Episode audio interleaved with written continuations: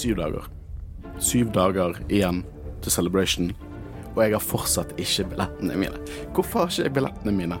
Det er syv dager Nei, vet du hva? Det er seks dager til vi reiser. Det er syv dager til Celebration. Nei, det er syv dager til vi reiser. Altså hvis, At de ikke kommer denne uken, da du får angst av det. Sant? Det er bare tre dager Jeg har, har, har hatt sånn stressmareritt nå i flere uker eh, fordi jeg ikke har hatt de billettene. Ja, men du har hatt stressmareritt òg av at dine var sendt sist. Ja, selvfølgelig. Hadde ikke dere vært stresset hvis, ikke dere, hvis deres var sendt sist? Jo, altså, jeg mener jo de burde vært sendt ut for en måned siden. Ja, det er en måned siden, liksom. Minst en måned siden. Det er helt sykt at vi ikke har fått det ennå. Uh, nei, vet hva, hva kan man gjøre? Å ja, jo da, vi skulle snakke om The Mandalorian. Vi, hei og hjertelig velkommen til Jedi-rådet, en Star Wars-podkast. Mitt navn er Håkon Øren, og jeg sitter sammen med Håvrus. Og Kristian Øygen Aspen. Smooth. Ja, takk. Uh, jeg prøver å by- eh, starte det inn litt sånn folkelig. Sant? Folk får det innsikt i våre dype problemer. uh, og jeg, uh, som å ikke få billetter til Star Wars Celebration. Skikkelig folkelig. Jeg tror også det er sikkert mange der ute som blir litt sinte på oss fordi de ikke har billetter at all. Men uh, eh, neste år så er det en ny en. Da er det bare vi skal fortelle hvordan vi opplevde det, og så eh, kanskje vi kan få andre folk til å eh, dukke opp der. Men i dag vi skal snakke om The Mandalorian chapter 21, eh, The Pirate. Og hva synes vi om den, gutta? Kjempebra. Det var action fra start til slutt. omtrent. Det var bare en utrolig gøy episode. Ja, det var veldig bra. Og jeg, eh, nå ser du på en måte at trådene begynner å komme sammen, og jeg digger det. Så at det, å få mer ut av at episodene og sesongene snurres mer sammen nå, i forhold til hva vi har sett. For vi har fått med mye forskjellig. Må tenke på Coruscant og oh, du, du jeg det nesten. Jeg sa det riktig. Ja, det, du Eh, akkurat men, riktig. men liksom at du, at du ser nå at trådene kommer sammen uh, ut ifra de episodene vi har fått tidligere, er kjempegøy. Mm. Og det er er konge-action holder Håvard Ikke bare konge-action, men kongeplott også. Du har liksom litt den der eh, politiske intrigene. Du har det der eh, foreshadowingen til the, the First Order. Og, Ja, og ikke minst det at uh, vi får en cameo som ga meg frysninger når jeg så den. Å ja, vi skal snakke om den cameoen. eh, tror du meg? Ja, men jeg, jeg definitivt den kuleste episoden eh, i denne sesongen. Eh, jeg gliste som en liten unge. Ja, det tror jeg på. Som en liten unge gliste jeg eh, fra starten av denne episoden til slutten. Og den inneholdt, denne episoden inneholdt alt jeg liker med den serien. Eh, du har på en måte litt sånn konsekvenser av originaltrilogien. Du har på litt sånn politiske intriger. Eh, du har Mandalorian action. Du har dogfighting. Du har litt sånn det mytologiske med Mandalore. Det var bare så jævlig kult. Det er kongeepisode. Helt fantastisk. Ko jeg, jeg klarer ikke å vente til neste gang. Det vet ikke, Av og til når uh, Mandalorian er så bra, i min mening, så har jeg ikke lyst til å snakke om det. Har bare- Jeg, jeg har ikke noe imot at vi bare sporer helt av nå, og så går vi og snakker om eh, den fantastiske og Bad Batch-finalen.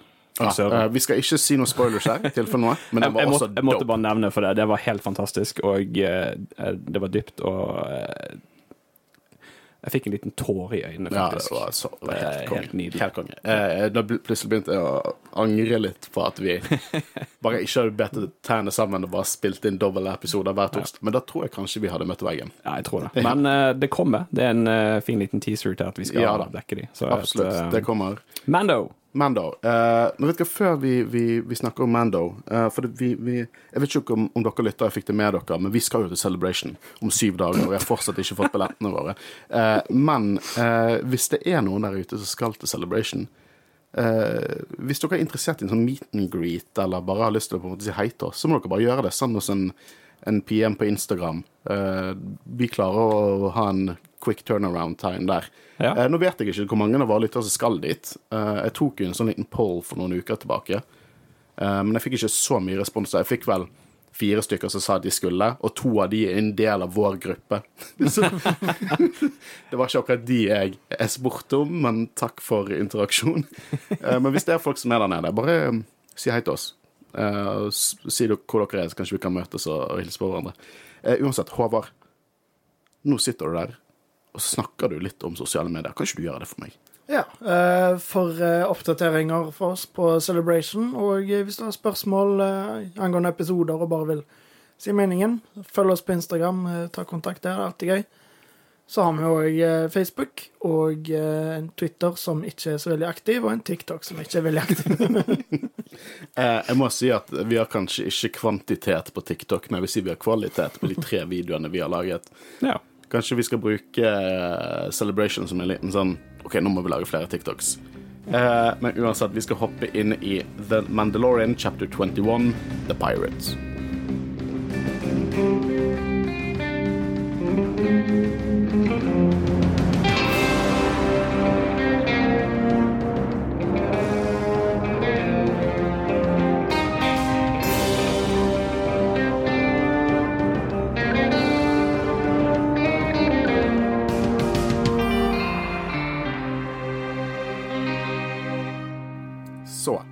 The Mandalorian chapter 21, eh, regissert av Peter Ramsey. Eh, jeg har ikke så mye erfaring med han annet enn at han var en av regissørene for eh, Into the Spider-Verse. Mm, ja. Og så eh, en eh, Monster versus Alien-film eller noe sånt. Ja, den, det var en Animasjonsfilm. Ja, ja. Så, men det er jo en god regissør for Hvis ikke dere har sett Spiderman Into the Spider-Verse, Den min er favoritt-Spiderman-film. helt fantastisk. Jeg synes den er helt konge. Jeg gleder meg så utrolig mye til oppfølgeren.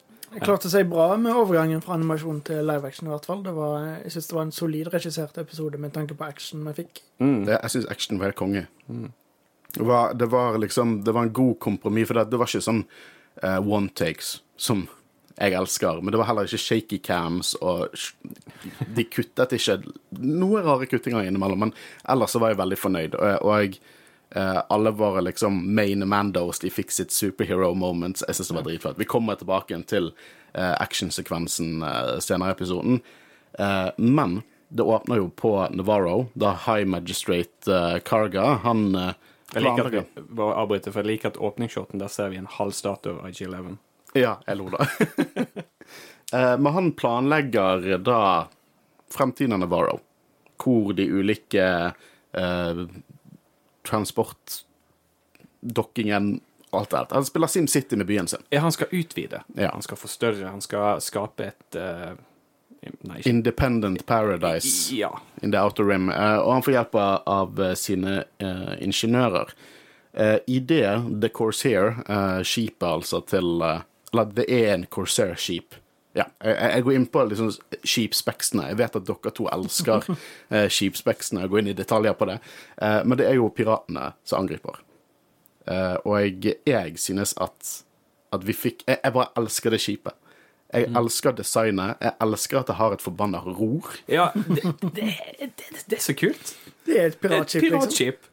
Altså, jeg tenkte jo med en gang han går frem og begynner å styre på det hjulet seinere, dette er Star Wars-universet sin Barbosa. Ja, jeg, jeg tenker litt med David Jones. Jeg. Ja, David Jones, da, men Bare jeg syns. Barbosa er kulere. Ja, Barbosa er Begge har sine, sine Men vi skal ikke snakke om Parachute Hotel. Um, jeg elsker også at disse kanonene som kommer ut på siden. Jeg, jeg har snakket om det før i Star Wars, at jeg føler at jeg elsker denne gamle sjøkrigsføringen, tankegangen med Star Wars, som dessverre ikke alle sagafilmene går for. Eh, og jeg, husker jo det skriptet eh, til Colin Trevorrow, og det var mye rart i det skriptet, men noe av det jeg syntes var dritkult i det skriptet, var hvordan han beskrev hvordan hans liksom eh, spacefight skulle være. Store Star Destroyers som bare gikk sakte mot hverandre, og hadde liksom sidene sine mot hverandre og bare blastet med, med kanonene. Og det, jeg fikk det i denne episoden, og det syns jeg er dritfett. Eh, ironisk nok, i Star Wars, så det er ikke, i min mening, det er ikke så mange utrolig kule, sånne svære spacefights. Du har på en måte Rogue One. Eh, jeg syns faktisk Rogue One Rogue One og Return of the Jedi er på en måte på toppen der. Med store, kule spacefights. Og så er Revenge of the Sith, men det er liksom ikke så mange andre svære Det er liksom mest dogfights eh, og litt sånne mindre skip, så det er alltid kult å se sånne svære kamper, på en måte. Ja, og så er det bombardementet så de, de piratene slipper ut over Navarro, eh, og viser at de faktisk er en skikkelig trussel. Dette her er ikke, dette her er ikke liksom The Sanctuary-episoden fra sesong én, der det er Ja, ja, piratene kommer, men, men det er ikke noen som dør. Da. Liksom, jeg tror folk dør i dette angrepet. Definitivt.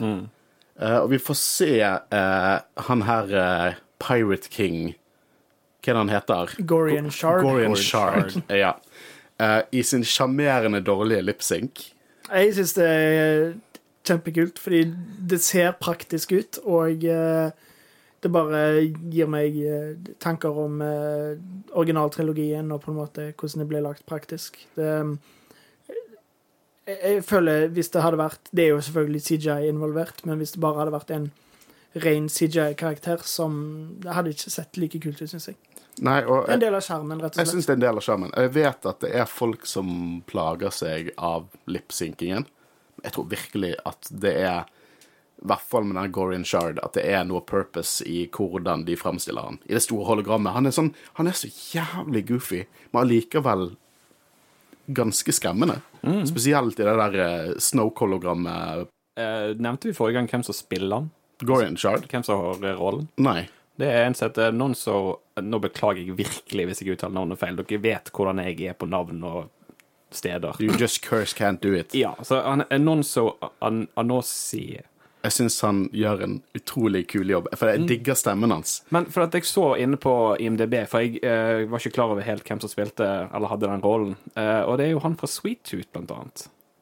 Å ja! Han, uh, han, for Game han, of Thrones han også, som er ungen. Ja, og for Game of Thrones. Og, From the greatest city that ever was and ever will be. Ja, jeg, ja, det stemmer nok. Det stemmer nok. Men ja, det er han. Uh, uh, Sweet Tooth er helt fantastisk. Det er en helt kongeserie. Men uh, jeg liker jo eh, i dialogen som de har der, så snakker jo de litt om at Grief Carriger sier jo det at eh, de er nå under beskyttelse av The New Republic. Han bløffer, rett og Han slett. bløffer, rett og slett. Og så eh, sier jo han der eh, piratkongen Unnskyld. Gorin Shard. Gorin Shard. eh, at det er bløff. Det er løgn, eller noe i den duren. Ja, nå er ikke han under Moff Gideon, han er ikke under Republikk. Ikke noe som helst. Uh, og så sier han det at The New Republic kan ikke engang holde uh, ro på pirater i Midrim. Mid Midrim. Ja, og det er interessant. Og når jeg hører mer pirater, så blir jeg mer og mer gira. Og dere vet hvorfor. Ja. Hondo. Ja! Jeg lurer på hva Hondo gjør her. Jeg, åh, jeg har så lyst til at han skal dukke opp. Jeg, jeg, bare, jeg føler sånn Wayne han, han er helt sikkert en buddy av Hondo. Jeg føler de, de, de liksom Wayne kan, kan være litt mer ekstrem, tror jeg, men jeg tror de kan vibe litt. Så kanskje det, det er til Hondo han stikker av uh, i løpet av den episoden. Um, det neste vi ser her, er jo uh, Adelphi, som har blitt nevnt tidligere enn først gang vi ser det. Men vi ser det jeg liker å kalle er bare Top Gun Star Wars. Det er en Y-wing som bare kommer inn og lander på dette ferieparadiset, og det sitter piloter rundt omkring, og det er, de har fete bomber jackets. Eh, vi ser eh, Deborah Chow, eh, Rick Famuyua og Dave Filoni i cowboyhattene sine sitte der og spiller liksom alle disse karakterene som Trapper Wolf. Trapper Wolf, ja. ja. Eh, og så er det en lasan der. Og en Ja. lytter sier jo at han er helt lik stemme som Seb, jo. Altså, Men det er gode nyheter til deg, for det er Seb. Med en gang jeg hørte stemmen, jeg får frysninger. Altså, den stemmen er jo så gjenkjennelig Ja. så du får det. Det er en av de mest gjenkjennelige stemmene, føler jeg. Ja, men det verste er at jeg var bare hypet over at det var en lasagne. Jeg, jeg tenkte jo ikke at det var Seb. Det, det er for good to be true. Det kan ikke være Seb. Vi, kan, vi ser jo ikke Seb i live action her. Nei, men det, det var, det, med en gang han begynte å snakke, uh, uten tvil, jeg visste at det var Seb. Og han ser ser fikk sånne så frysninger. Bra ut. Helt fantastisk. Jeg syns de har gjort en kjempejobb med designet og animasjonen. Ja, jeg, jeg tror ikke jeg kunne ønsket meg noe bedre framstilling i live action enn det jeg så av Seb der. Nei, det er konge. Det er eh, godt gjort. Gjennomført. Og det må jo bety at han dukker opp mye i Asoka-serien. Ja, altså, jeg tenker jo dette her er en liten foreshadowing òg. Ja. eh, kanskje det er en foreshadowing til at eh, vi faktisk ser Tron i Mandalorian. Ja, for en uke siden så var du redd for å si navnet hans, men nå, eh, Nei, jeg vet hva jeg, nå begynner han å bli modig. jeg, jeg er mer og mer gira. Uh, uh, jeg, blir, jeg blir bare det nå. Det er helt sykt. Uh, denne episoden har virkelig bare eksplodert meg. Så uh, for uh, de som ikke vet, og Håvard, Seb, han er jo en Vet du hva, Håkon? Der har jeg faktisk Jeg har sett litt av Rebels. der. Du har sett halve Rebels. Du skal ha såpass mye. Men, uh, men veldig flott liten cameo. Mm, og han fortsatt jobber som pilot for The New Republic.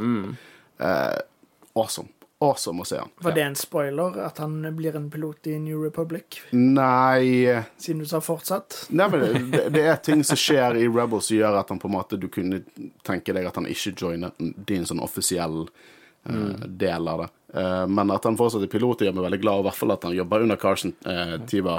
Altså, liksom, Carson Tiva, det er det han heter. Carson Tiva. Det er Hva heter han? Fra um, den serien. Håvard, du sa dette på, når vi dekket sesong to. Eh, å, hva heter den? Det er um, Den kanadiske Jeg følger ham i hvert fall på YouTube. Han er veldig glad i Hot Toys. Som må være drømmen. Han spiller i Star Wars, og så elsker han Hot Toys. Og han får uh, mye spillerom òg. Han har vært med i mange episoder. Ja, eh, det virker som rollen blir bare større og større for hver sesong som går, egentlig. Ja, nå, nå gleder jeg meg bare enda mer til å se mer av Ghost Crew. Ja, eh, det gjør jeg òg. Vi ser også en, eh, en, eh, en, Snivian. Vi husker alle Snaggletooth fra A New Hope. Gøy å se de. Eh, og ser så jævlig, de ser så jævlig, de ser så jævlig kostymete ut, men jeg elsker det. Eh, men eh, han har fått en liten transmission om at Grief Carger rett og slett trenger hjelp. Han, han kaster inn håndkleet. Liksom, vi trenger hjelp fra The New Republic. Vi trenger hjelp nå. Og jeg, da snakker jo Carson sammen med, med Seb, og på en måte De har liksom ikke ressursene til å hjelpe sine egne planeter akkurat noen gang. og og dette Det kommer til å være for seint. New Republic kommer ikke til å gjøre noe hvis de gjør noe, og det kommer til å bli for seint, så Carson drar til Coruscant og Som- snakke med de face to face. Det er jo òg enda et tegn, spesielt i de scenene vi får på Coruscant nå, hvor mye eh, The New Republic sliter, og på en måte hvor ubrukelige de er. Fordi når de ikke engang kan beskytte sine egne systemer, så gir det jo mening at de ikke kan bruke ressurser på noe så, noen som på en måte ennå ikke har skrevet under The Charter, eller hva de kaller det. Mm. Altså, De viser jo ikke hvorfor folk skal bli med republikken heller. Eh, For når ikke de har lyst til å løfte en finger for å hjelpe folk i galaksen, så vil jo ikke de heller joine de, og da tenker jo de uansett at ja, men New Republic de gjør ingenting for oss uansett. De gjorde ikke noe for oss da, så hvorfor skal de gjøre noe for oss i fremtiden? Spesielt òg Nå var jo hun ene som uh, sa akkurat dette, var jo hun Nå har jeg glemt navnet, men hun uh, Elia, Elia Kane. Ja, som uh, så tidligere som holdt på med Dr. Pershing, men hun sa jo på en måte at Kanskje vi bare skal gi dem en grunn til å faktisk signere denne charteren. Da pushe de. Sånn, holde de liksom under Holde de under hammeren før vi kommer og hjelper, liksom. Og det er jo for det, Nå hopper vi litt fram til Coruscant, men det er jo noe som Carson sier, at det er jo en veldig imperial tankegang av deg. Eh, og jeg, jeg syns det var interessant, fordi vi møtte jo da Colonel Tuttle, eh, spilt av Tim Meadows. Eh, jeg kjenner henne igjen som kannibal for Brooklyn 99. Det er gøy at de gir sånne roller til eh, skuespillere som hovedsakelig eh, er komiskuespillere. Ja, ja, ja. Fordi han var morsom i denne serien, og det er på en måte ikke en komiserie, men det, Men han er bare Han snakker eller bare han ser på ting, så er han morsom. Han trenger liksom ikke gjøre så mye uten at han er morsom. Jeg tok ikke Colonel Tuttle en, det er en karakter som heter Colonel Tuttle. Det er ikke meningen at vi skal ta han seriøst. Nei, og igjen, om vi ikke tar han seriøst, og når han er morsom på den måten, så forsterker du bare hvor ubrukelig New Republic er òg. Mm. Og det er det som er interessant, og det har vi snakket om. Vi snakket om før vi har vi- sett det i Mandalorian sesong tre. Men på en måte hvor, hvor mye mer vanskelig det er å styre enn det å på en måte vinne eh, en revolusjon. Eh, og det ser vi nå, at ting er ikke så lett. Og i hvert fall ikke når du har en sassy astromech droid som plasserer chips på hele ditt work eh, space. Eh, elsker den droidescenen. Ja, det sliter jo litt, og hele den scenen også, som vi snakker om nå, den er jo på en måte Du vet at det, det bygges opp mot the first order. Mm. Og Carson Eh, Ard var det, Ja, det er akkurat det.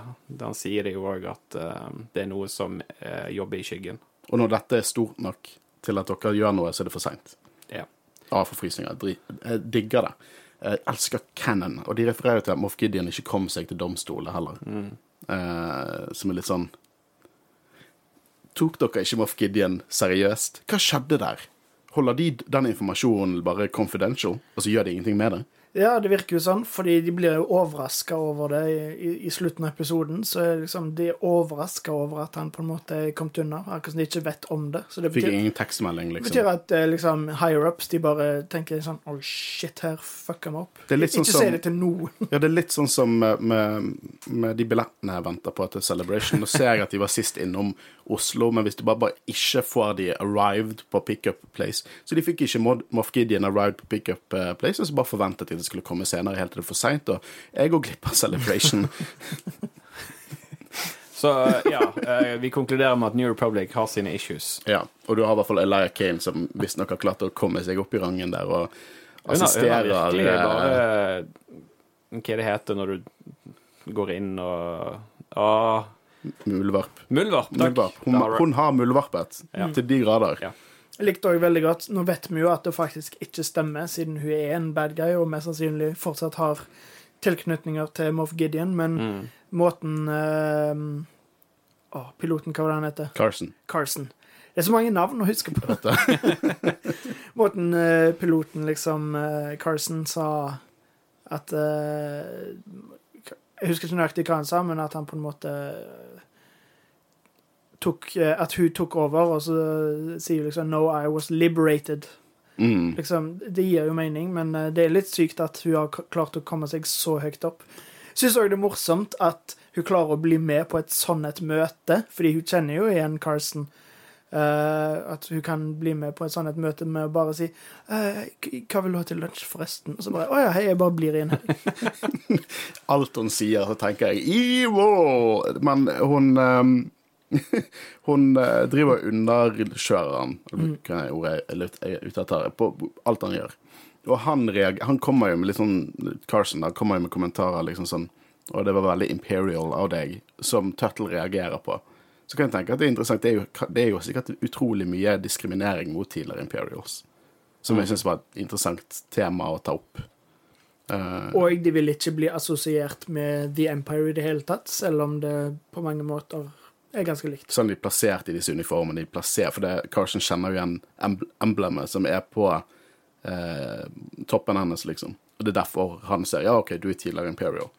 Eh, så det er sånn Spiller begge sider her. Nei da, vi skal ikke, vi skal ikke diskriminere tidligere Imperials, men vi skal ikke liksom vi skal ikke la de på en måte gå inn i det sivile igjen. De skal på en måte være i uniformene sine. Vi skal se de klart og tydelig. De skal ha liksom Jeg, jeg, ser jo paralleller til Nazi-Tyskland eh, her, jeg.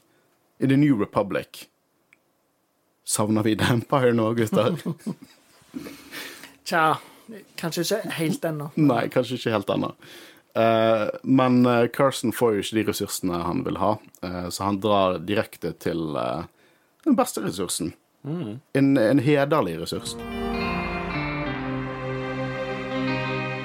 Drar til The Covert for å snakke med Mando. Her er det litt sånn oh boy. Der, dette er når du, du Du har to kompiser, og de er veldig gode kompiser av deg, men de kjenner ikke hverandre. Og du vet at de er så forskjellige, så de viber ikke så godt sammen. Så det er derfor du ikke har introdusert dem til hverandre. Det er litt den følelsen jeg har nå. For det, nå er det sånn Mando nå skal Paz Wiesler han skal møte Carson Tiva. Eh, og jeg eh, Det er litt sånn De er litt on edge. For han dukker opp der eh, på planeten vi ikke helt vet om ennå. Eh, og jeg eh, møter på Mandalorians. Jeg liker hvordan de kaller han Blue og Blue Boy. Eh, og jeg, de spør jo selvfølgelig hvordan i helvete vet du hvor vi er. Og jeg liker veldig godt at får, denne sesongen her, R5 får sin recognition, altså. Recognition Lille jævel, ass. Han er undercover. Eh, man kan argumentere at det er litt sånn coincidences-kjørende i kjørene her. Litt veldig tilfeldig. Hva hadde New Republic bare plassert fullt av Astronaut droids rundt omkring? uh, eller er det en dypere plan? Eh, Kan jo hende at eh, han har vært og snakka med Perlimator, for det var jo hun som faktisk trykka R5 på, Mm. eh, Ja, det på Mando til å begynne med. og det var hun som sa òg i de- den episoden at eh, R5 uh, tjenestegjorde i eh, The Rebellion. Rebellion. Um, og her får du på en måte svar på hvitt. Ja. Uh, vi, uh, jeg vil gi en liten shout-out til eh, en god kompis av oss, Mathias. Fordi at etter episode to i sesong tre, uh, så begynte han å snakke om at han lurte på om eh, R5 var en sånn Imperial agent. Og jeg, jeg, jeg tenkte ikke så mye over det da det var sånn ja, Nei, det tror ikke jeg. Men du var jo innpå noe der, Mathias. Var, det var bare ikke Imperial, det var New Republic. Uh, men vi vet jo alle at New Republic og Empire det er ikke så store forskjeller der lenger, så Ja, ja. Men uh, Pass Wiesler sier jo det at uh, de, de blir jo liksom frustrert fordi at eh, de må jo relocate hele coverten sin, og Pass Wiesler har en god løsning til det. Det er bare å drepe han fyren her. Eh, men Mando stopper han, da. Eh, for Carson i sesong to reddet jo Mando. Eh, så eh, hører han ut hva han har å si, da. Han forklarer jo hvem som trenger hjelp eh, med Griff Carger, og at det er mye som skjer rundt Navarro. Du har Moff Gideon, du har på en måte keiserlige baser, du har nå plutselig pila, pi, pilater, pirater som er utrolig interessert i planeten. Så hva er det som skjer? Og han tror det er en, en knytning der. Så det ender jo med at Mando har møte, et møte sammen med Mandaloriansene. Et uh, ganske interessant møte. Jeg likte at uh, de brukte hammeren til The Armorer som liksom talking hammer. At Ja. Den som holder hammeren, den får snakke. Ja, men det er kult. De refererer liksom til sånn mer Mandalorian-kultur som gir veldig mening. Det er Bare sånne scener på en måte De forklarer det. Ingen som sier sånn eh, I have the talking hammer. Nå er det min tur til å snakke. Det er bare, det er veldig, Jeg syns det er veldig fin storytelling der. Um, så han på en måte holder jo sak, saken da, for å hjelpe Grief Cargo. og selvfølgelig Mandaloriansen er litt sånn mm, iffy på han. For det vi husker jo i sesong én, det var jo første gang vi så fullt av Mandalorians. Første gang jeg fikk et illebefinnende i denne serien, var når vi så i episode tre av hele serien at eh, hele Children of the Watch gikk sammen for å på en måte beskytte Mando og Grogu. Uh, og jeg, det var jo mot dusørjegerne til Grief Carga. Ja, så du på en måte kan skjønne at de er litt skeptiske. Ja. Uh, Mando understreker at det var The Empire som faktisk eh, drepte de, da, eh, senere. Eh, og at han har fått et lite land tilbudt eh, av, av Grief Carga, som var en plot point som ble plantet i episode 1 av sesong 3, eh, og at de kan på en måte leve der. Og at Grief Carga har hjulpet han før, og hjulpet hans foundling. Og så er det Pa som snakke. Og da tenkte jeg åh, shit, dette går ikke bra. Nei, men det begynner dårlig og blir bra. Han psyker de litt. Ja, han gjør det. Det er en awesome tale. Ja, eh, dritkul tale. Altså, jeg tenkte jo, eh, når jeg hørte den talen Nå går han ned på kne og sier 'King of Mandalore'. King of Mandalore. I don't want it. uh, men uh, bare hvordan han snakker om sånn Nå, uh, nå skal, vi, skal vi legge våre liv i, i, i deres hender nå. Skal vi ofre oss for, uh, for det er en mann som har hjulpet denne lille foundlingen. Vi har hjulpet denne lille foundlingen. Hvorfor skal vi gjøre det? Fordi vi er forbanna Mandalorians. Det er derfor de skal gjøre det. Jeg får frysninger bare av å snakke om det sjøl. Og jeg butcha talen totalt, liksom. Nei, men det Men det var jo veldig uh, han, han klarte jo veldig lett å få alle på sin side. Mm. måten han til slutt bare sa 'This is the way', og alle i kor bare sa 'This is the way'. Til og med The Armor, som virka litt skeptisk til å begynne med, var på en måte Hun er veldig på den sidelinjen. Akkurat som hun på en måte, hun, hun på en måte ser hvordan ting utspiller seg, uten å på en måte involvere seg så sinnssykt mye sjøl. Men hun involverer seg veldig mye i slutten av denne episoden. Jeg syns det er ganske interessant med hun, fordi hun er jo på en måte en slags uoffisiell leder for den eh, coverten, men allikevel så lar hun det jo på en måte ting bli bestemt i fellesskap, og eh, at hun er ikke en stor leder på en måte, men allikevel en symbolsk leder. De leker litt med, med oss, tenker jeg, med Children of the Watch. For det, de har gått litt det, fra, er, de the bad guys? Er, det, er dette usunt? Og så går de eh, tilbake og viser oss litt sånn Ja, men de har lojalitet. De har eh, en sammenheng. De bryr seg om hverandre. Liksom, til og med Paz Wisla han sier liksom han har hatt sine krangler med Din Djarin, men Din Djarin har også reddet hans sønn, og at han Han sier jo så å si at han er villig til å dø for Din Djarin sin, sin, liksom, sine mål. Sammen med Bo-Katan òg, fordi uh, spesielt med forholdet med Death Watch og uh, Previsle, Mm. uh, så må Du begynner å bli veldig flink på den Visla-slekten nå, syns jeg. Så jeg føler jo at det er jo en liten historie mellom Bo-Katan og Visla, mm. men uh, til og med da så er det liksom Ja, og hun, hun fortsatte å lete etter sønn når alle ga opp. Jeg likte at han sa 'ga opp', eh, og ikke liksom Det var ikke jetpackene som gjorde det, men eh, måten hun på en måte tok det ekstra steget, da, og at da bør vi følge hun òg, på en måte. Så Veldig kul scene og utrolig inspirerende tale. Og det er bare jeg, jeg var litt bekymret opp til nå i episoden. Fordi at jeg, jeg følte at det, Ikke at jeg følte det var slow pacing, men jeg følte at det hadde skjedd veldig mye. Men det, det, Vi er bare kvarter inn i episoden eller noe sånt på dette tidspunktet. Men før de møter Mando. Jeg var litt redd for at nå er det bare masse bilder på, så kommer vi ikke til å se Mando igjen i hele episoden.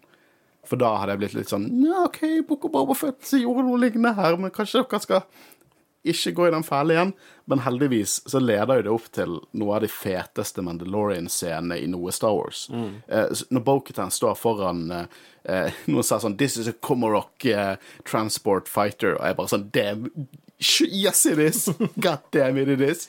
Eh, Det gir egentlig òg veldig mening at hun på en måte har den eh, taktiske Veldig militær leder, Ja, liksom. for hun har den erfaringen, og da i på en måte Det er veldig Altså, det er, jeg kjøper det. At det, det er liksom riktig at hun, Mm. Hun har måte erfaringen, sant. Det er riktig at hun på en måte tar det, på en måte. Hun er, mer, hun er på en måte mer praktisk anlagt Ja. enn ganske mange av disse Mandalorianene. Så eh, ja. Så planen er jo det at hun og Mando de skal være air support, eh, mens eh, de skal sende inn to ground teams eh, og eh, make eh, ten men and women feel like a hundred, for å quote Gin Erso. Eh, og ta ut disse her eh, eh, piratene. Og de nevner jo det at Navarro er selvstendig, og hvis de kan komme dit og kjempe som helter, så kan de leve åpent på Navarro. Eh, og det er jo en stor oppgradering for denne her Jurassic Park eh, de bor i nå. Eh, så vi kommer jo til selve kampen. Eh, og mitt første notat her er bare Fuck! Fy søren, ass. Eh, hva Hvordan bryter vi dette sammen, liksom? Det, det er bare så jævlig mye kult. Det er så utrolig mye kult. Og vi ser at alle de slemme alien-rasene er representert. Som Quarrens og Trandoshans og Nictos. Det er bare alle, alle the bad guys. Nå, nå kan dere bytte litt, litt opp. Nå, liksom, kom igjen, gi, gi oss noen Gi oss noen Vi har fått onde Twi'leks. I hvert fall piratene er alltid de samme alien-rasene i Star Wars. Ja, faktisk. Det er et veldig godt poeng. Det er litt sånn Hvorfor bare de? Ja. Jeg husker når vi så en, en sånn familie i Kenobi med Trandoshans, så var det sånn Jeg tror det er eneste gangen jeg har sett Trandoshans der de faktisk er, er snille. Jeg, eh, jeg kjøper ikke at det ikke er noen av de som er f.eks. Twilix, som ikke er pirater der ute i hele galaksen. sant? Så det er at det er nok en miks, eh, men at de har bare valgt å ta de Og de har slemme Ugnots også. Ja, ja. Sånn, jeg elsker at han har en litt sånn styrmann, liten Ugnot med sånne røde Jeg kan, jeg kan, kjøpe, at det, jeg kan kjøpe at det er en eh, pirat-wookie der ute, eller en ja. uh, i, uh, I Light of the Jedi er jo det en Nihil-hacker som er en uh, Gungan. ja, det er det. Mm. Eh, vi kommer nok til Light of the Jedi på et eller annet, tids, et eller annet tidspunkt, uh, men uh, Nå prøvde jeg å forestille meg Jar Jar som en pirat. Ja, men liksom, uh, Gungan-designet er jo stilig. Jeg synes at General Tapples Hva faen heter han? You was a big trouble now, Jaja. han. Al- eh, Da jeg var liten, syntes jeg alltid han var jævlig kul. Jeg tror han hadde Legoen da han var på dinosauren sin.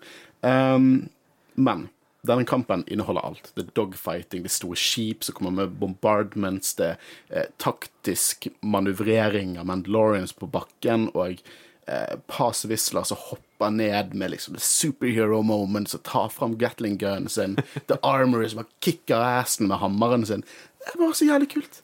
Det er vanskelig å snakke om det uten å bare si som du sa, jævla kult. Fordi, Det er jævlig Men- kult. Jeg må si, som jeg nevnte innledningsvis, jeg syns det er utrolig kult regissert. Eh, Sånn når de først eh, Liksom det første gruppen av Mandalorians lander, og de bare er sykt taktiske og sniker seg rundt. eh, Det er skikkelig stilig å se. Det er verdt å nevne at uh, Navarro har bombet til søndag, liksom. Uh, det ser ut som de har vært der en stund. Ja, og uh, det er jo veldig, veldig tydelig at de, disse piratene faktisk er utrolig bad guys. På måten de bomba byen og uten å ta hensyn til sivile. Og ser jo eh, de er på en eller annen slags restaurant og Er det skole de drikker på? Fikk de endelig lov å Ja, det, er, det, det. det er skolen de var på. eh, han som jobber der, liksom, de bare dytter han vekk, og så eh, Jeg husker ikke hva de der apene heter, men når de bare skyter på de tre Kwanki and lizard monkey. Selvfølgelig. Eh, måten de bare ler og skyter på de og sånn, det er kjempegøy. Ja. Nei, så, jeg så, når jeg så de satt inne på den skolen altså, Det måtte jo være den skolen. tror jeg. Ja, det er garantert det.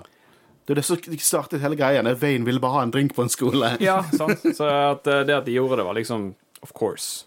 Ja, det, det var dritfett. Og, og liksom når, når Grief Carga ser Mando, og så liksom forteller han hvor jævlig mange pirater det er, og Mando sier eh, I like those odds. The fuck yeah you do. Å, det er så kult. Nei, hele denne sekvensen fra start til slutt er så godt uh, regissert som Håvard sier, og det er så kul action så du får det. Men eh, og noe av det kuleste her er å se Mandalorians kjempe som en enhet. Sånn storymessig, å se de kjempe som en enhet. du ser hvor synkronisert de er. Og eh, vi som seere har full kontroll på hva som skjer. Dette er ikke kaotisk. Det er liksom systematisk både i regien og eh, hva som skjer i in universe, liksom. Og som du sa, det er en unit, og måten de på en måte Det var Mm. Jeg vet ikke om noen av de faktisk ble drept, eller om de bare ble litt skadd, men måten de på en måte tok de eh, ut av uh, skytsilden og bare i sikkerhet, de som ble skada, og Mm. Det, ja, det, var, det var kjekt å se Mandalorians kjempe sammen. Og det, det, er bare masse sånne små øyeblikk. Som de, de, en som bruker jetpacken sin til å bare slå en pirat ned med riflen sin, og eh, hvordan The Armor bare systematisk tar ut liksom en sånn stasjonær gunner. Eh, hvordan Pass Vizsla er bare så jævlig badass. Sånn, jeg har The Armor av, eh, og Pass Vizsla i Hot Toys. Jeg er så nyforelsket i de to figurene nå. Dere aner ikke. Eh, Wayne stikker jo av, da. eh, I ordentlig Jack Sparrow-stil. Eh, han er ute for seg sjøl, så vi kommer nok garantert til å se han igjen da. Eh, og Gorian Shard tar liksom en sånn siste desperat forsøk på å um, ta ut de sivile her. Eh, bare en stor fuck you til Grief Carga. Og så tar Bokutan og Mando og skyter ut eh, motorene. Og den eksplosjonen av skipet som bare styrter, det er så filmatisk. Det er så nydelig. Og vi ser dette på TV. Ja. Jeg husker liksom da jeg var yngre liksom, Det er sånn Battlestar Galactica, awesome serie, men det er liksom Det, det, det er en TV-serie fra tidlig 2000, dude, og det, det merker man. Ja, jeg merker det jo når jeg så Stargate. Holdt på. Ja. Det, Og det er en sjarm til det òg, men det er bare The Mandalorian fortjener den filmatiske opplevelsen. Og det er ikke en eneste gang jeg tenker at dette her er The Volume. Ikke en eneste gang. Eh, Helt konge. Eh, og eh, Episk musikk. Musikken generelt i denne episoden er bare episk. Sånn piratviben med Mando-theme er dritfett. Og eh, Mandalorian sa en ny base. Rett og slett. Og eh, inntil videre. Inntil videre. De har ikke en hjemplanet, men de har et hjem. Vil ikke det da være en hjemplanet? Uansett. Eh, The Armor vil jo ha et ord med Boketan, og jeg tar med den gamle smien. Her går jo hun og snakker liksom Hun har vært på The Great Forge av Mandalore, der lyden på en måte bare klinger til hammeret på Beskar, og hvor, hvor episk og på en måte fienden var, og diger. Og denne smien hun har, bare enkel, men de er fortsatt samme formål. Jeg tror du eh, det er veldig bokstavelig The Great Forge, eller er det bare et sånt stort rom fullt av sånne smier? Jeg, det vet jeg ikke. Fordi- Sist gang jeg sa at ting ikke var bokstavelig, så var det med Mandalore som var glass, og det var jo bokstavelig talt gjort til glass. Så Jeg, bare tenkte eh, måten du sa liksom Lyden av hundrevis av uh, smeder som uh, hamra på det. Mm. Det virker jo som det på en måte bare var et sånn liksom et stort nesten tempel dedikert til uh, å lage rustninger og Mm. utstyr og sånn. det, det, det er jo veldig det, det er stilig å høre om det. Sånn, det. Man begynner å forestille seg hvordan det ser ut, og håper man ser det en annen gang. Eh, og kanskje en Old Republic-film. Trilogi. Vise oss Mandalorian Wars. Reven og Tar Visla og alt det der. Film, serie, film, film. Det- Sånn de, det er Old Republic. At de kan måtte gjøre det sånn for utvikling. Ja. Ja. Men tenk deg, sånn, liksom, de, de sparer jo litt på film, Mm. eh, virker det som. De går mer på serier. Men tenk jeg, jeg på en måte Jeg liker ikke hvordan Disney Nå går jeg helt off script her, men jeg liker ikke hvordan Disney har på en måte sagt Og vi skal ha Paddy Jenkins-film. Nei, vi skal ikke ha det. Da er det sånn Slutt å annonsere ting. Bare annonser det når dere vet Når dere allerede har begynt filmingen. Jeg er lei av For det virker så uprofesjonelt. Men Jeg tror de har tatt kontroll på det nå. ja, det tror jeg nok. Ja. Men um, jeg tenker liksom Ikke kaste vekk spin-offer. Nei, ikke bruk spin-offer på film. Ikke gjør det. Bruk Bare lag masse live action-serier der dere kan eksperimentere litt. Lage spin-offer. Lage ting som Endor eh, og Skeleton Crew. Det blir jo sikkert noe helt annet igjen. Og så kan dere heller vente. Og så når vi får en ny trilogi, så er det The Old Republic. Da er det episk. Da er det stort. Ikke at Star, Wars på the silver screen ikke er det, men uh, ja, spar de store uh, ting, hendelsene som film i Star Wars til sånn Old Republic-trilogien. og Det tror jeg bare Det, det hadde vært episk. Um, men eh, apropos smier og smeder og sånne ting. Nå eh, skjer det òg noe som ga meg litt frysninger. Altså når hun ber om Bokotang å ta av seg hjelmen. Ja. OK, hva skjer nå? Og her nå sier 'Do respect my station'? Ja. Og så begynner hun å tenke litt sånn smier Jeg, jeg har ikke på en måte tenkt på det før, men det gir veldig mening at, at de som på en måte er smedene i Mandalorian-kultur, blir veldig høyt respektert. De er nesten som på en måte lederen av, av en, prest, nesten. Liksom, Hele deres kultur er våpen og rustninger, liksom. Og så har du de som lager disse våpnene, lager disse rustningene. Selvfølgelig skal det mye respekt. Så hun er ikke president, men en pave, på en måte. Ja. Tror dere vi kommer til å bli litt uh, sjokkert over hvem at det er en kjenning i den uh... I The Armor. Ja. Det, er det som er interessant når du sier det, er jo det at uh, Pass Visla refererte til hun som The Armor, eh, som jeg syns var interessant, for at, eh, det er ingen som har referert til hun som noe tidligere. Nei. Uh, men jeg har jo fortsatt en liten uh, Jeg håper jo hun er Rookcast. Uh, en av de to Mandalorsene som reddet Darth Maul i Son of Dathomir-tegneserien, og så var så vidt med i, i sesong syv i Siege of Mandalore av Clone Wars.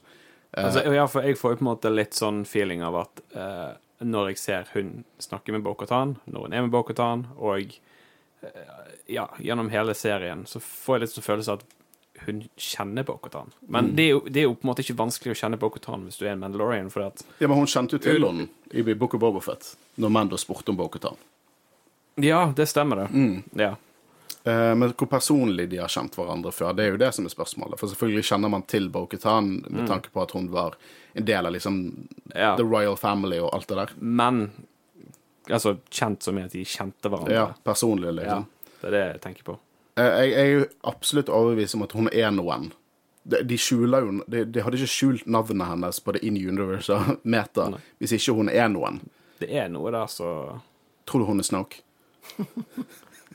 Nei, jeg tror hun er Palpatine. Nei, altså, som er Snoke, da, men uh, Nei, jeg vet ikke. Har du teorier sjøl? Ja, Rookcast. Jeg tror det er Rookcast. Rookcast. De hornene er jo også noe Det er Moldalorians-looket. Rookcast var jo en av de største Moldeloriansene, som også var en etterkommer av Death Watch. Som også på en måte Vi må jo anta at Children of the Watch er en etterkommer av Death Watch. Det gir jo egentlig bare mening. Eh, men hvem vet? Spennende. Alt jeg vet, er at jeg vet ingenting. Nei. Men det er gøy å spankulere, spektisere, spekulere. Eh, men ja, eh, The Armor ber Bokutan om å ta av seg hjelmen. Eh, og hun gjør jo det, tvilsomt. Og eh, hun sier jo rett og slett dette at du har gått begge veiene. Og vi, vi har ikke råd til liksom, Mandalorian, Alle Mandalorians må gå veien. Vi har ikke råd til bare noen få gjør det. Og du har muligheten til å samle oss. Hvis det innebærer det at hun rett og slett kroner rundt til Mandalore. Det, det, det er jo alt dette snakk om mythostoryen, altså. Noe hun sjøl trodde bare var en del av legendene, men nå har Bo-Katan, som hun, og hun tror at hun har sett, hun tror på hun, har sett en mythosaur. Jeg, jeg vet ikke hva det betyr. Betyr det noe at Bo-Katan går inn for å bli the next Mandalore? Altså, det, Måten de eh, spesielt senere, når eh, det siste vi ser fra uh, The Mandalorians i denne episoden, så zoomer de jo på en måte inn på fjeset til Bo-Katan, måten hun eh, og Måten hun står på, liksom Jeg føler nesten nå at uh, vi har blitt løyet til. Det er ikke um, Din Djarin som er The Mandalorian. Det er Bo-Katan det egentlig handler om. Å, det er det du, du tenker? Nesten. Uh, ikke akkurat, men uh, jeg tror nok hun kommer til å spille en veldig stor rolle, Ja. i hvert fall. ja, og så er det dette med at statusen om hvem hun er, eh, at Armour velger henne til å på en måte Hun er den til å samle folket. Mm. Det kjøper jeg jo veldig. Og at hun kan gå begge veier for å samle de som følger eh, The Creed, holdt jeg på å si, Mm. og de som ikke gjør det. Så er det på en måte Jeg kjøper det veldig godt at hun blir valgt til å gjøre det. At The Armor på en måte er Sier at hun må dra ut, vi skal samle Mandalorian, vi skal ta tilbake Mandalore. Det er baby steps, da, men det, jeg tror de går mot veien av No More Helmets. Eller ikke alltid på. Nei, men Jeg bare eh, sier at Hvis jeg hadde hatt hadde på med hjelm i sånn, Mm. Jeg vet da faen hvor lenge hun har vært der, sikkert et par uker, måneder, whatever. Mm. Eh, jeg hadde hatt så fet hud, jeg. Her kommer Katie Sackhoff, og hun ser awesome ut. Men ja, at hun ble sendt ut nå for å samle folket, men om hun da på en måte gjør mm. Om hun da på en måte gjør det, eh, om det har samme betydning som at The Armor mener at hun skal være det neste Mandalorian-spørsmålet. Forventa nesten eh, måten de filma det på, måten Din Djarin så på Bokutan, at eh, eh, hun hadde Altså, The Armor hadde overbevist Bo til å bare challenge han til en duell om eh, The Dark Saber. Bare ta drep han der. Men eh, det er interessant, da. Men hun kommer der uten hjelmen sin og møter resten, det er så badass. Hun går ganske stolt fremover. Ja, det- Nesten så hun føler seg som at nå skal hun lede folk. Ja, det var ikke, det var ikke mye tvil i den damen der om Nei. at hun hadde lyst til å ta den rollen. Eh, men det, jeg syns det er kjempeinteressant. Jeg synes det er kjempeinteressant At vi ikke helt vet hvor vi har The Armor. Det hopper Nei. frem og tilbake. At vi ikke helt vet hvor vi har Bokutan, hvor kynisk det er. Liksom Nå tenker jeg mer at hun er mer hederlig. Hun har lyst til å gjøre det beste, men Det er gøy. Det kan gå hvor som helst. ja, det er dritgøy. Og de vet at vi sitter sånn her og tenker dette. Ja. Det er akkurat som i sesong én, uh, når vi, vi, vi kinda visste at, at Boba Fett dukket opp til Fennik Shan, men vi kunne ikke helt 100 si det var Boba Fett. Eh, det er kjempegøy. Eller du kan tenke deg at eh, hun smilte jo ganske lurt når hun gikk nedover der. Mm. Hm, dette var ganske lett. At hun tenkte det. Nei. Det er i hvert fall utrolig spennende hvor det går videre. Men vi har en siste scene, da, hvis ikke dere har noe mer å si om eh, Navarro-delen av plottet. Jeg bare føler at uh, måten det var så mye action, og på en måte hvordan det slutta der, og med at vi på en måte fikk en slags Det var jo Det var ikke en post-credit-scene, for det var jo før Det føltes litt som en Men det føltes litt sånn ut. Så det, hele denne episoden føltes ut som en stor sesongfinale. Som er tre episoder i denne sesongen. Altså. Jeg er så spent på hva som skjer videre. Uh, det siste vi ser, er jo det at Carson Tava er på sporet til Moff Gideon og finner en sånn Lambda Class Shuttle, som han da finner ut er uh, er skipet de brukte for å på en måte transportere Moff Gideon. Uh, Deal er at den er forlatt. Det ser ut som noen har på en måte angrepet den og extracted ut noen. Men de finner Mandalorian Beskar, eller Beskar Alloy, bare i veggen. Som på en måte noen har skutt, eller noe har eksplodert der med Beskar i seg. Dette er en uh, skummel og kul scene. Eh, jeg får veldig mye sånn alien-vibes når jeg ser det. Veldig alien vibes. Det er Som også er interessant, for i Clone Wars, noen episoder der, så er det direkte referanser til Alien med, med Death Ja. Watch. Eh, eh, jeg liker også veldig godt den proben til R7 der. Ja. Det var en ting jeg på en måte ikke visste at Astromex kunne gjøre. Det var veldig kult. Jeg kjøpte det veldig eh, mye. Eh, men Beskar Alloy i skipet der, som ble Ja. Blir uh, The Mandalorians framer nå?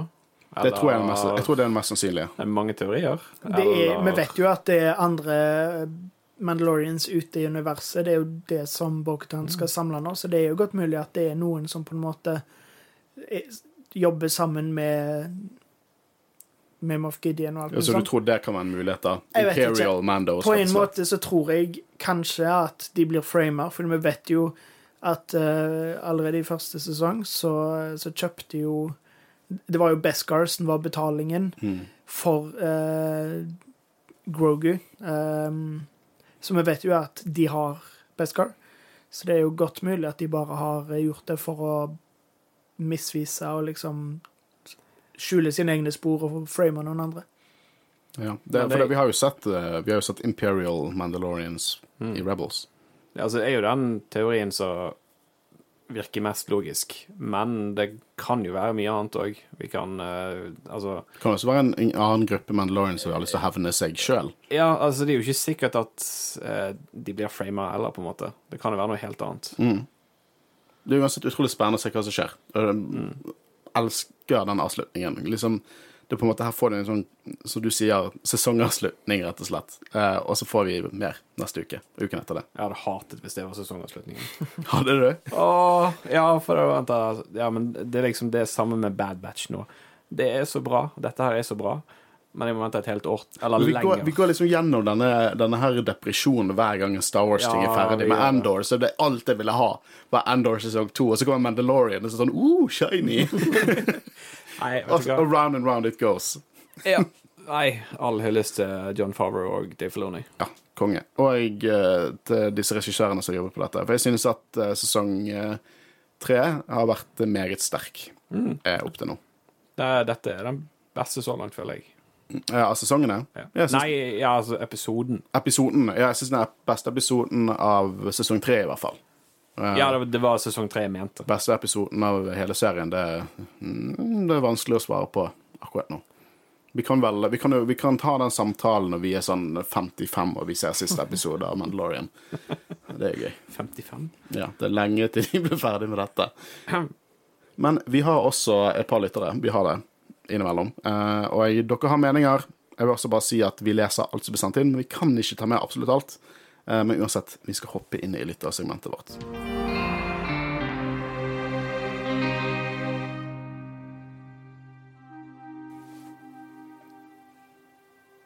Jeg vedder på at du der ute trodde at du kunne ta meg på noe nå, for jeg sa lasan.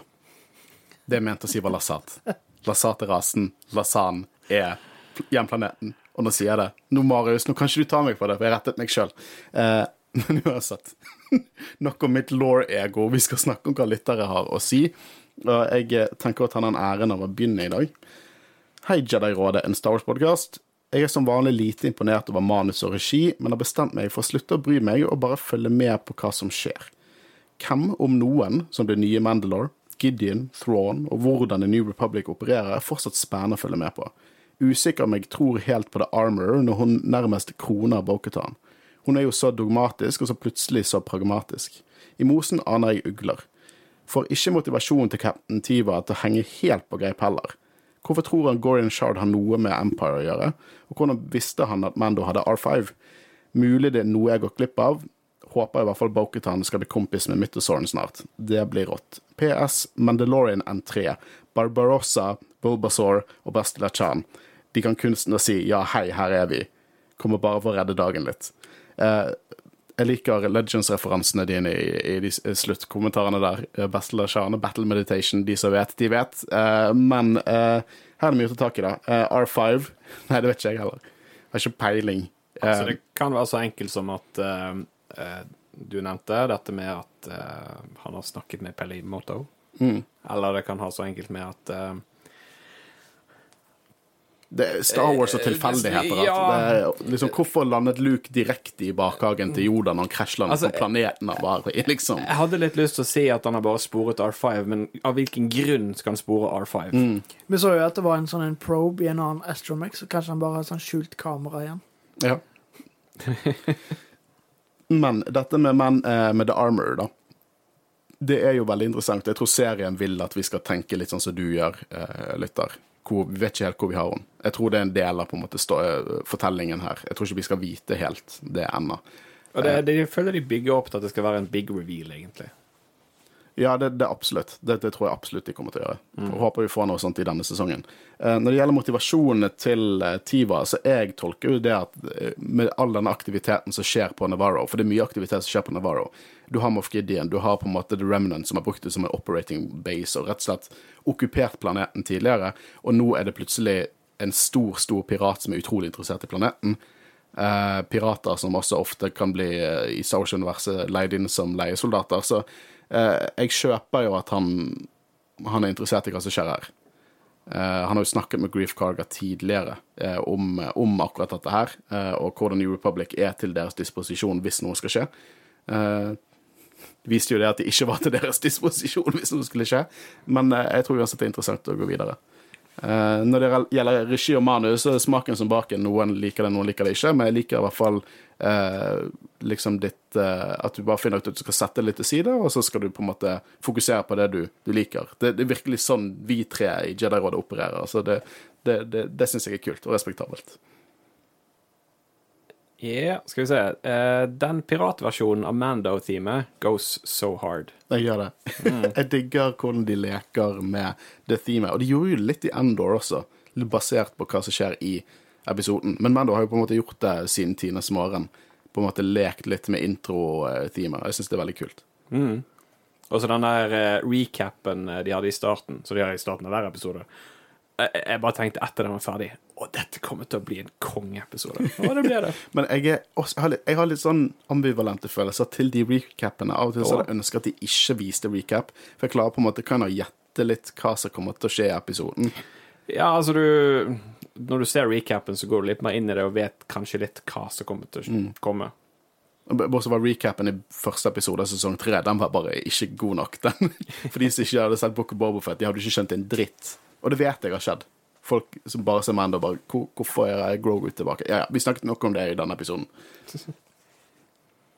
Eh, nå kommer det aldri en Hot Toys av Gorian Shard. Kunne han ikke levd litt lenger?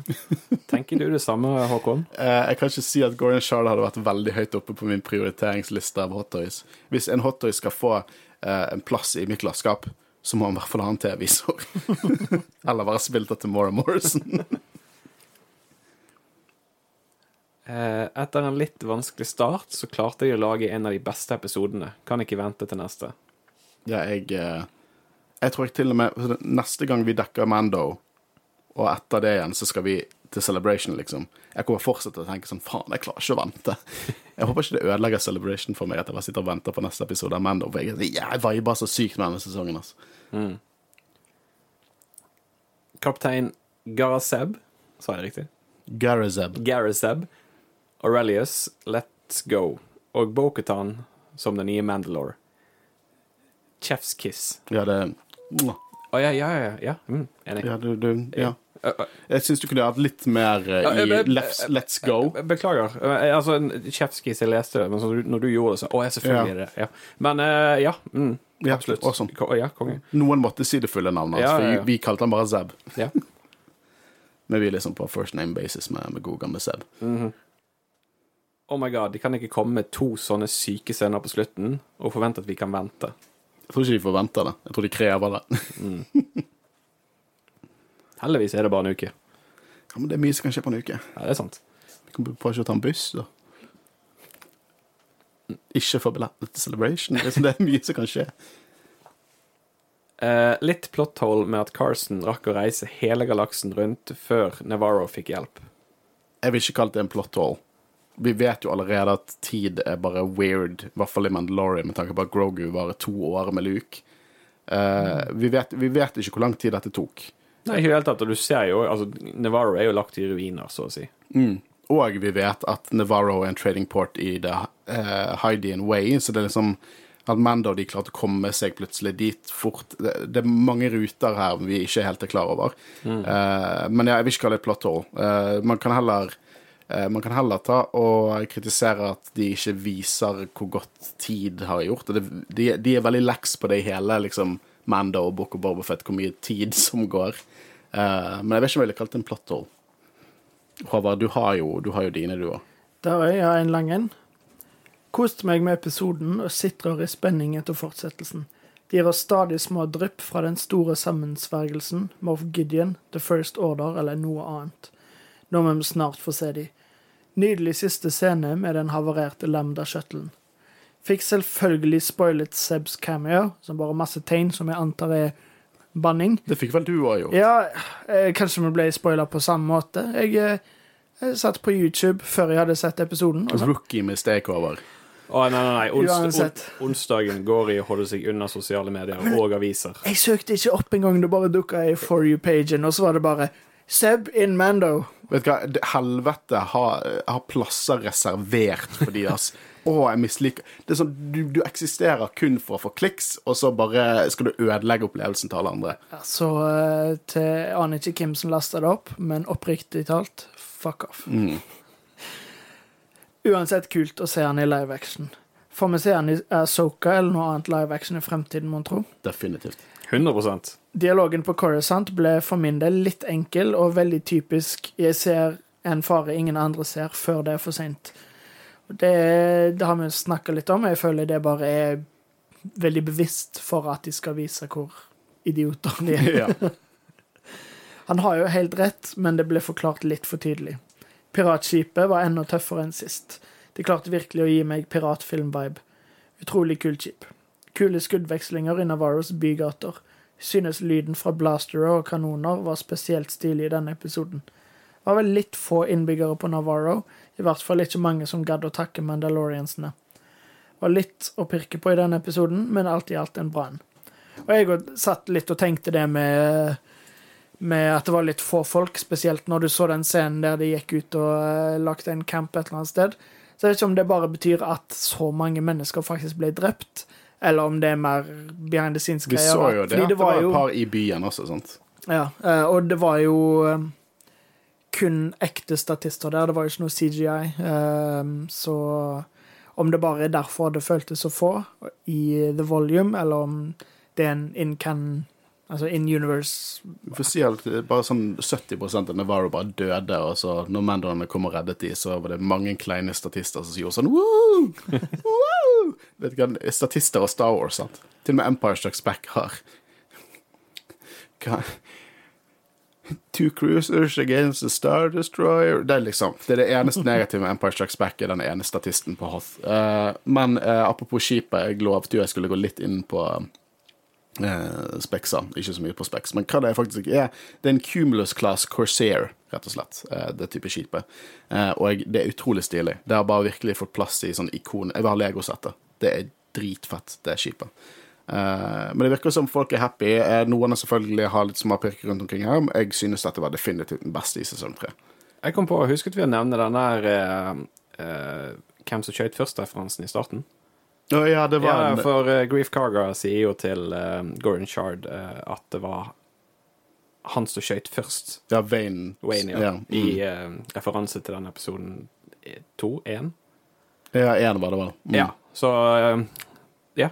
Jeg vil bare hive den inn der. Er du Star Wars-fan, du? Nei. Du trekker sånne paralleller. Ja, jeg er megastar. Wars-fan. veldig bra. veldig bra.